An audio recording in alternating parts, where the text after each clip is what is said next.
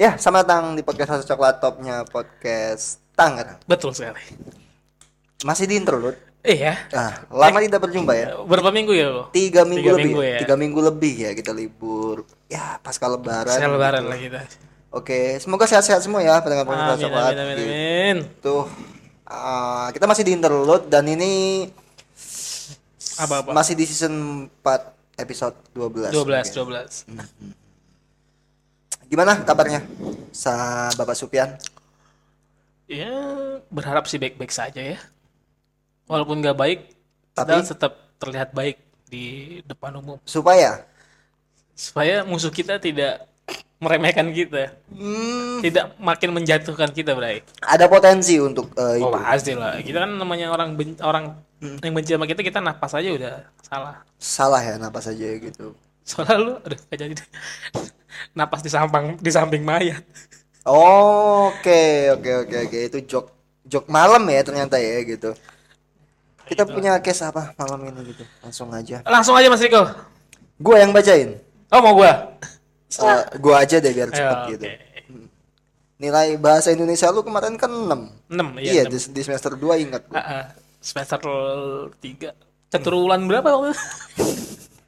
Ragu dengan pacar karena merasa di nomor sekian kan. Oke. Ragu dengan pacar karena merasa di nomor sekian kan. Oke. Oke, ya, gue bacain. Halo Min, salam kenal. Oke. Aku minta pendapat dan nasihat. Aku punya pacar. Kita udah sama-sama 25 tahun dan udah pacaran jalan 2 tahun. Ya, lumayan lama tuh. Oke. Pekerjaannya di salah satu tit sensor. Oke. Intinya udah kerja ya. Dua-duanya tuh ya. Oke. Keluarganya ada usaha yang sebenarnya cukup untuk keluarga mereka. Ortunya dan ortuku sama-sama minta kita cepet nikah. Ini yang ngomong ceweknya ya? Cewek ya, cewek. Oke, kendalanya ada di prinsip cowokku. Dari sebelum ketemu aku, dia sangat berambisi terhadap pendidikannya. Hmm. Oke, dia pengen lanjutin S2 dan pengen cari uang yang banyak. Oke. Oke, berarti sa- saat ini udah udah satu ya, Dan dia mau lanjut S2. Sampailah pada omongan tentang pernikahan. Secara tidak langsung, dia memposisikan aku dan pernikahan di nomor sekian. Dia bilang dia masih ingin bertanggung jawab terhadap keluarga dan mengejar cita-citanya yaitu lulus S2 dan mapan serap pekerjaan. Aku sendiri nggak pernah minta cepet dinikahin, tapi kita sama-sama berumur 25 nih, gitu. Bikin aku mikir dia beneran serius atau enggak sama aku. Ya, ya, ya. Oke, paham ya? Ngerti, ngerti. Lanjut, aku nggak masalah kalau dia lanjut S2 walaupun kita nikah. Karena aku akan bantu sedikit biaya untuk kebutuhan. Nanti aku juga kerja dan open PO tit gitu. Bukan. Oh, open PO ya, bukan BO ya. PO. Iya. PO mungkin purchase order. Oke oke. Bisnis lah, bisnis intinya dia bisnis gitu, Bray. Tapi dia bilang, aku akan berpikir rasional termasuk kamu. Kalau misalnya rezeki bisa ngejar cita-cita aku ya mending dikedepankan dulu. Begitupun kamu, kalau ada orang lain dan kamu ingin menikah lebih cepat, ya nggak apa-apa. Cowoknya statement gitu, statement gitu. Aku nggak ada berniat ninggalin dia. Aku mau nungguin dia walaupun aku ditaruh nomor sekian walaupun aku nggak tahu ketika dia udah sukses nanti tetap pilih aku atau enggak gitu.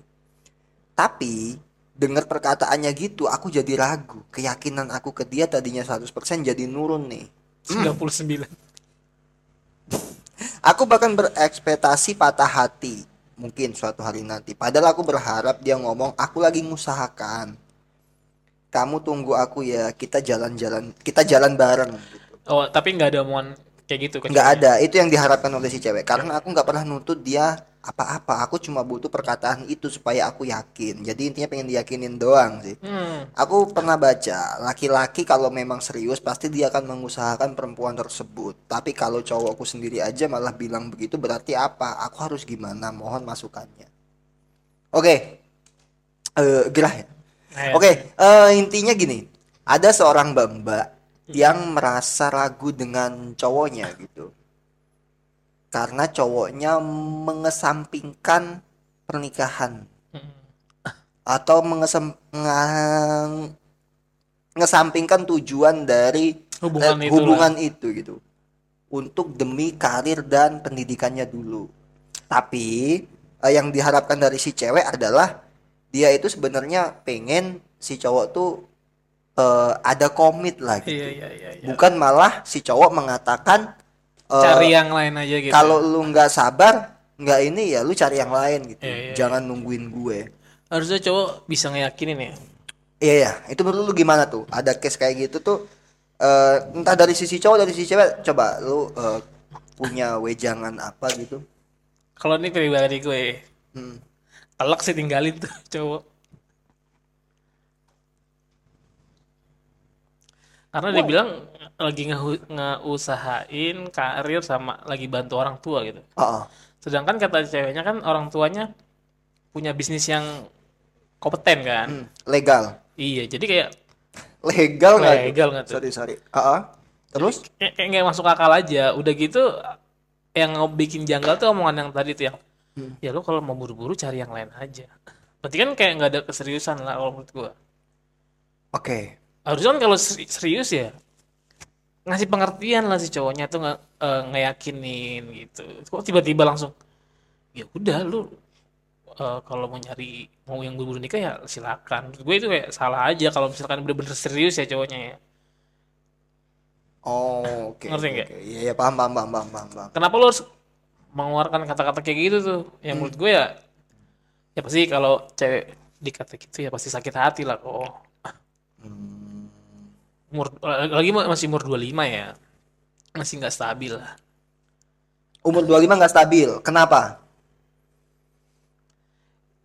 Ya karena emang masih mikir belum ada niatan serius kayak gitu. Kebanyakan ya kebanyakan ya nggak semua tapi umur menurut gua kalau umur-umur yang mantep tuh 27 28 lah itu menurut gua udah kayak pusing nggak nggak nggak nggak pusing. Maksud gua ya udah ada ke jenjang yang lebih serius gitu.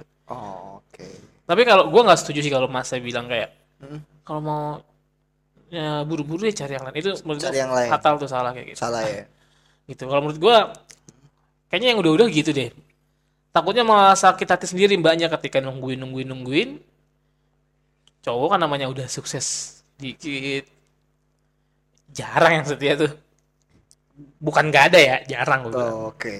Gue jarang. ingin membantah itu tadi. Nggak semua jarang. Hmm, hmm, hmm. ya, maksud gue gitu kayak nanti lu udah nungguin lama-lama buang waktu lu sia-sia buat orang yang salah jadi kayak mendingan tinggalin. Iya, mending gue tinggalin sih. Cuman lu lu eh, ini juga sih kayak ada kata-kata yang kayak eh, kalau dia jodoh memang milik lu, walaupun lu lepasin pasti dia bakal balik lagi. Pasti dia bakal balik Ah, lagi Menurut gue coba di apa ya? Dipancing buat tinggalin deh. Ngerti nggak? dipancing buat tinggalin oke ini ada trik baru nih Iya. eh tapi lu harus udah siap dengan jawaban yang tidak enak. oh kalaupun ia, dia mengiyakan ngerti gak ya udah deh mas misal gini ya udah mas eh, gue gue udah gak kuat nih gitu Hmm. Mendingan kalau kamu nggak ada serius terus nggak ada bisa ngeyakinin aku sama keluarga aku ya kayaknya aku Hmm. nyari yang lain aja gitu. Kalau dia bilang ya udah kalau kamu cari yang lain silakan. Kalau misalkan dia bilangnya ada lagi kayak Hmm. ya nggak bisa gitu kamu juga harus ngertiin aku bla bla bla bla bla. Pasti nanti kita nikah kok gitu. Itu menurut gua kalau pernyataan yang kedua tuh masih bisa di apa ya masih bisa untuk di ini kok dinegosiasi lagi. Cuman kalau udah pertama tuh telak ke mana deh? Menurut gua mending di udahin aja. Ketimbang nanti lu eh, terlalu dalam jatuhnya atau sakitnya. Soalnya cewek itu lebih lebih tinggi tingkat traumanya ketimbang cowok. Segitunya iya. Bahkan mungkin ada juga tuh kayak gagal trauma terus akhirnya ada juga yang memutuskan tidak untuk menikah gitu oh ada ada. Hmm, ya kan? Hmm, hmm, makanya eh, tingkat tingkat apa ya? Hmm. stres. Tingkat stres wanita itu sebenarnya lebih jauh lebih tinggi. Ada yang eh, sering kesurupan. Iya iya bener. Kok soalnya kalau kenapa dibilang lebih stres? Iya. Ini sih cuma pernyataan gue aja. Kalau gue salah ya gue maaf, minta maaf. Cewek itu susah ngelampiasin untuk hal-hal yang dia menghilangkan stres. Oke, paham, paham, paham. Ngerti kan? Paham, paham. Kayak cewek tuh Ah. ada batasannya gitu, ngerti nggak? Kalau cowok kan kayak udah serah gitu. Jadi Hmm. Kalau kalau cewek itu lebih ke apa ya? Lebih ke makhluk sosialis ya. mm-mm, ya. Eh, di mana dia kalau misal ada problem atau masalah apa susah untuk bisa healing sendiri. Iya, karena kan dia ya benar pra- cewek perasaan, cowok logika. Iya, Ya, iya. itu iya. yang susah tuh kayak gitu. Nah kalau cowok itu sebenarnya meskipun dia sering nongkrong atau apa, sebenarnya cowok itu makhluk yang individualis. Hmm, ya. Individualis. Cowok itu eh, dari zaman nenek moyang kita memang dia itu lebih biasa hidup sendiri. Iya, iya. Iya, dari pertama Adam diciptakan itu udah sendiri, Sendiri duluan. Iya. Itu berapa ratus tahun ya baru ketemu. Iya, baru diciptakanlah Hawa gitu ya karena Hawa diciptakan udah ada Adam gitu. Hawa tidak pernah merasakan kesendirian Iya, iya, sebelumnya gitu. Pun dengan manusia-manusia zaman dulu yang mungkin hidupnya berburu dan meramu, cewek itu di rumah, tinggal di dalam goa, bareng-bareng. Entah itu sama anak atau sama Iya, iya. sama tetangga mungkin atau apa. Sementara yang cowok itu pergi berburu dan ha- apa ya kesendirian itu hal yang individualis itu hal yang udah Iya, wajar iya, bagi iya. cowok beda sama cewek ya mungkin di situ Mm-mm. Eh, ya maksud lu kan gitu Iya, betul. oke oke berarti eh, dari lu ini kayak enggak deh gitu Kalau menurut gua enggak, cuma ya solusinya ya itu menurut gua lu pancing lu coba lu tinggalin gitu. Tapi lu harus sudah siap dengan jawaban yang tidak enak. oh Kalau dia mengiyakan untuk pisah gitu. Ada yang mau ditambahin? Hmm, kalau gua sih kayaknya enggak ada ya Gitu anjing. Eh, iya kayaknya enggak ada karena gini ya eh, gua gue turut prihatin sih dengan kejadian seperti ini gitu Oh, case seperti ini gitu. Turut prihatinnya gini. Ini tuh sebenarnya problem yang mungkin pernah gua terjadi di gua juga. Mungkin di lu juga itu juga pernah terjadi di lu. Ini sebenarnya problem yang hampir terjadi ke banyak cowok. Hmm. problem terjadi banyak- Tapi jujur aja nih, kita ngomong se- secara lelaki ya. Lu di posisi lelaki itu yang nggak ada kepastian apa yang di dalam benak lu. Kalau lu nggak nggak bisa ngeyakinin si cewek itu lu fokus karir. Kalau lu bener-bener sayang ya coba. sebenarnya ada banyak faktor ya kita Oke nggak? Ya coba dijabarin aja kalau lu mau. Oke. Eh, faktor yang pertama Hmm. sebenarnya. Faktor yang pertama itu Mbak ya, ketika cowok di posisi itu. Ini gue memposisikan diri gue di sebagai cowok itu ya. Bukan cerita pengalaman gue ya. Oke, enggak, enggak, Bu. Ini harus gua eh, disclaimer, Disclaimer, ya, oke. disclaimer dulu gitu. Cuma kan gue tahu nih bener gak nih gitu. Entah. Jadi eh, gue memposisikan diri sebagai cowok tersebut ya. Mungkin nih ya. Eh, faktor yang pertama adalah yang pertama itu ada keraguan Dari si cowoknya ya. dari si cowoknya terhadap elunya mbak. Hmm. Ada something di mana eh, si cowok itu merasa ragu terhadap elu. Ragunya karena apa ya gue nggak tahu. Bisa jadi karena kelemahan elu atau kelebihan elu. Jangan salah lo. Kita Iya, iya, ragu iya, iya. terhadap wanita itu bisa jadi dua hal. Yang pertama kelemahan si wanita tersebut mungkin eh, dia apa punya kelemahan apa gitu.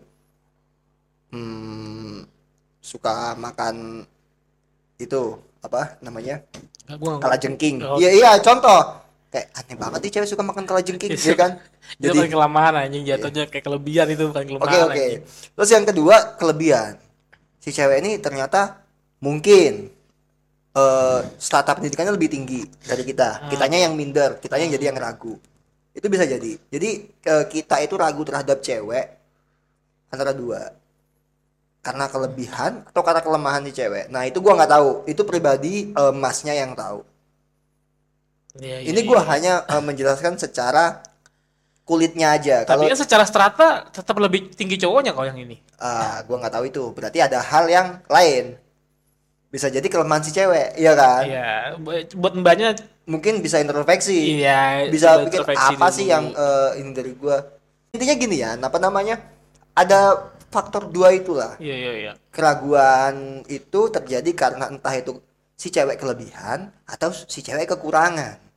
Intinya dua itu. apa pun itu nggak usah dijelasin lah tadi udahlah Eh, Kalau yang lo alamin kelebihan dari ceweknya.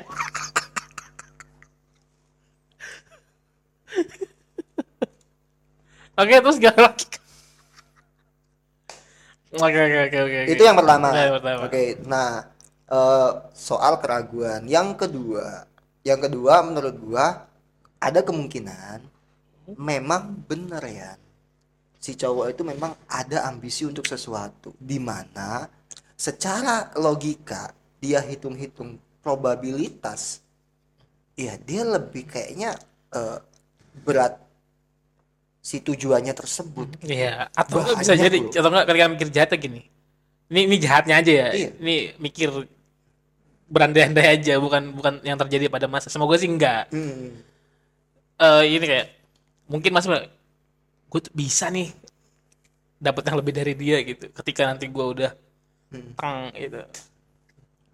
Nah, itu bisa jadi, bisa jadi. Berarti kan itu kan sebenarnya eh, ada korelasi antara si keraguan tadi.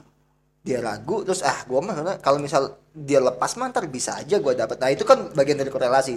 Cuman secara eh, internal di dalam apa ya dalam hati masnya itu menurut gua gini. Memang ada sesuatu yang lebih berat daripada hubungan itu sendiri gitu. Iya.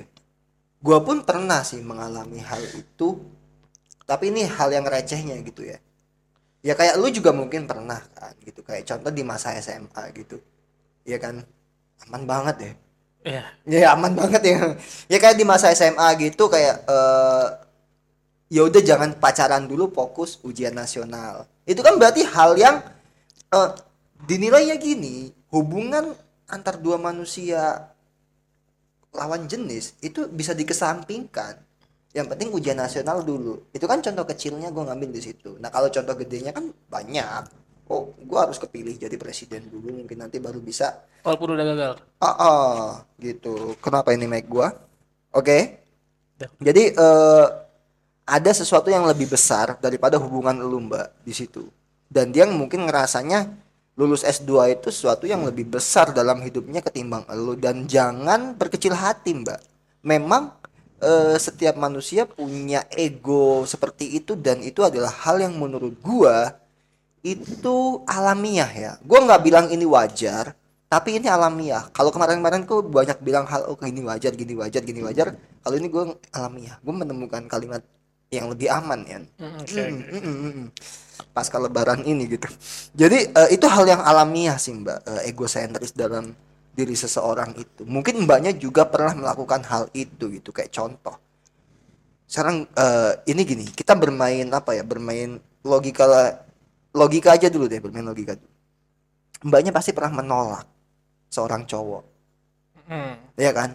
Demi, demi, demi mbaknya mempertahankan sesuatu gitu. Mungkin cowok lain yang mbak yang ada atau cowok mbak suka sama cowok A gitu. Ketika cowok B mendekat, enggak, gue maunya sama A gitu misal. Nah itu pun sebenarnya sama mbak. Secara, secara apa ya? Eh, secara logika itu sebenarnya hal yang sama antara si cowok itu enggak deh gue kayaknya mau S2 dulu baru nanti gua nikahin lu itu sebenarnya sama sih mbak Tapi kuncinya tuh dia nggak ada ngomong kok. Si cowoknya. si cowoknya nggak ada ngomong Ya untuk serius. untuk serius nah gini sebenarnya eh ar- urgensi untuk apakah si cowok itu harus ngomong serius atau enggaknya itu kan karena didorong oleh yang katanya umurnya udah 25 Hmm. menurut gua di umur-umur 25 seperti itu ya sah-sah aja kalau memang ada ketakutan untuk eh apa ya telat nikah ya kan si cewek kan punya Hmm. ketakutan untuk telat nikah. menurut gue itu hal yang eh alamiah gitu. Punya ke- punya ketakutan seperti itu. Namun eh, urgensinya itu menurut gua bagi si cowok itu nggak adanya di situ ya. Nah mungkin benar si cowok memang mau ngejar karirnya dan S2-nya dulu gitu. Dan karena si cowok ini punya ya empati. Ini ini hal yang berbeda dengan orang tega ya ini memang mirip-mirip ya antara orang yang punya empati lebih Mhm. sama orang yang tega terhadap orang lain itu sebenarnya mirip-mirip. Gini, kenapa miripnya? Si cowok nggak mau dirinya itu sebagai beban yang harus ditunggu oleh si cewek. Gue lulus S2 nggak tahu kapan, gua mapannya nggak tahu kapan. Takutnya lu nggak bisa nunggu gua dan lu dilamar oleh pria lain dalam perjalanan gua. It's okay monggo.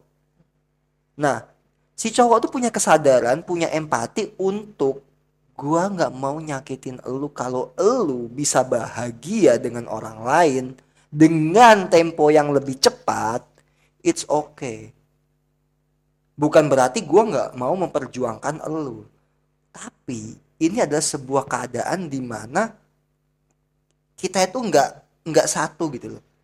Ada dua titik Hmm, di ya, mana gua. dengan kehidupan gua dan keluarga-keluarga gua, elu dengan kehidupan elu dengan keluarga-keluarga elu.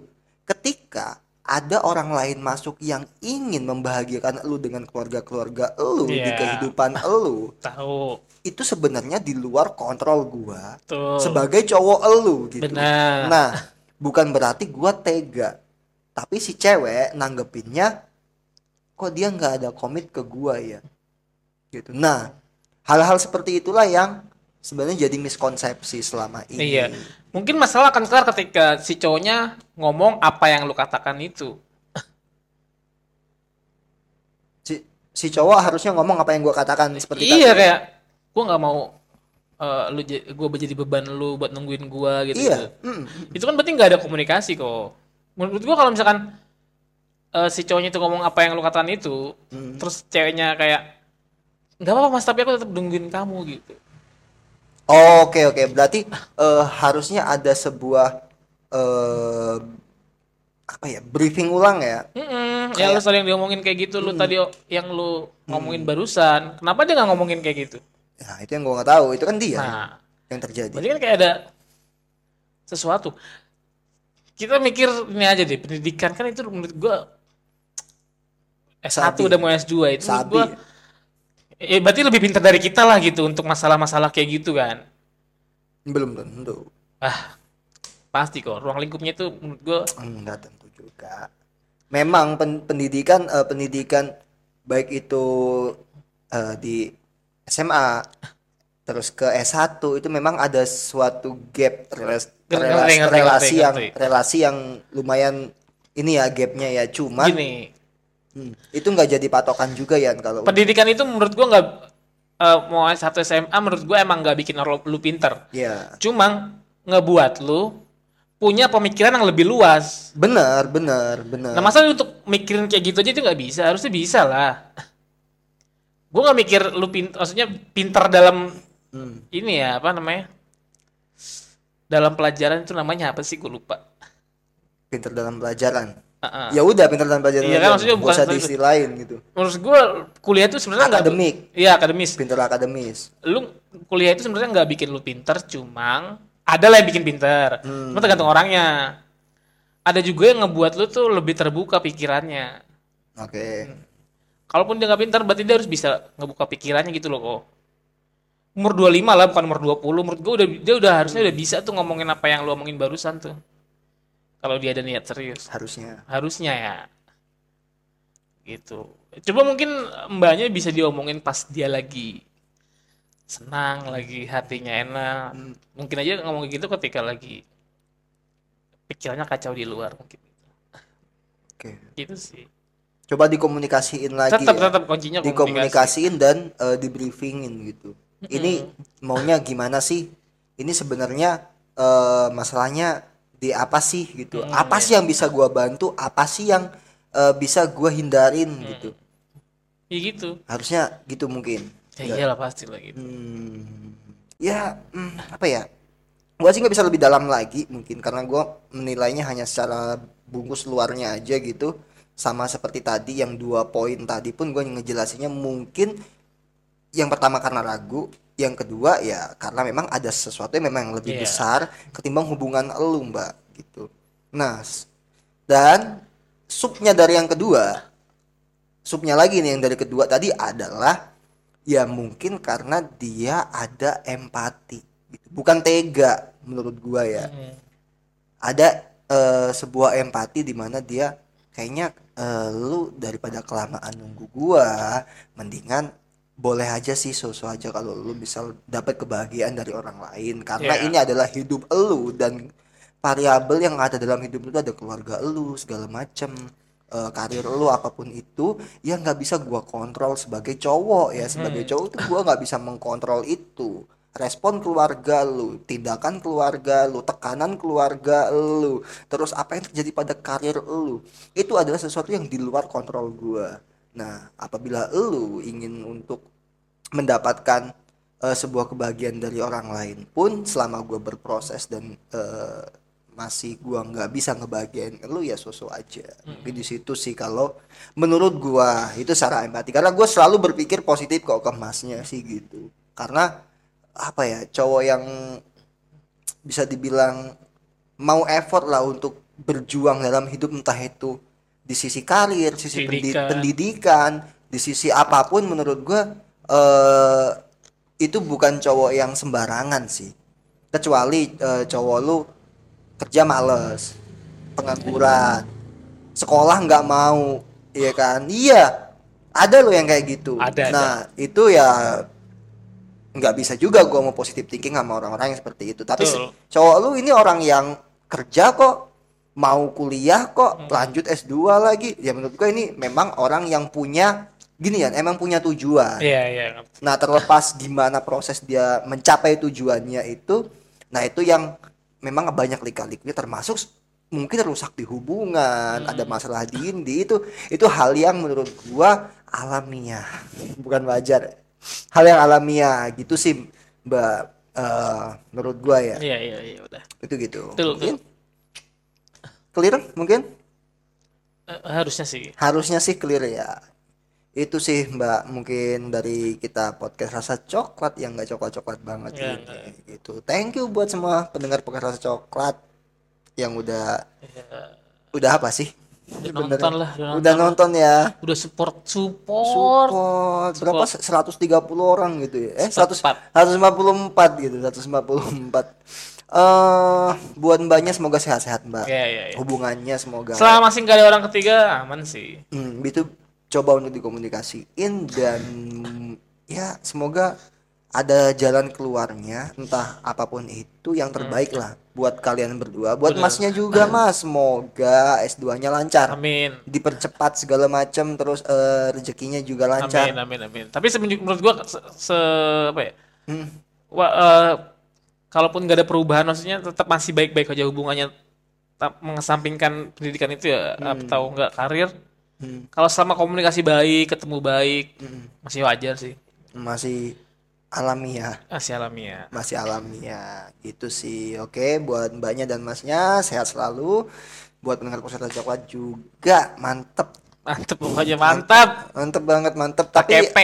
Heeh, kita ada sedikit eh, isu nih kemarin gitu ya. Eh, kita kan coba untuk tarik ke platform Pogo FM. Oh, gitu. iya. Kemarin di Pogo FM eh, ternyata sampai 31 Mei ini nggak bisa lagi kita tayang di sana karena eh ya Pogo FM Tutup. ditutup gitu. Jadi kita hanya tayang di Spotify dan YouTube aja ya. Iya betul. Oke, gitu buat podcast coklat. Thank you sampai jumpa di next episode. Dadah. Hmm, dadah.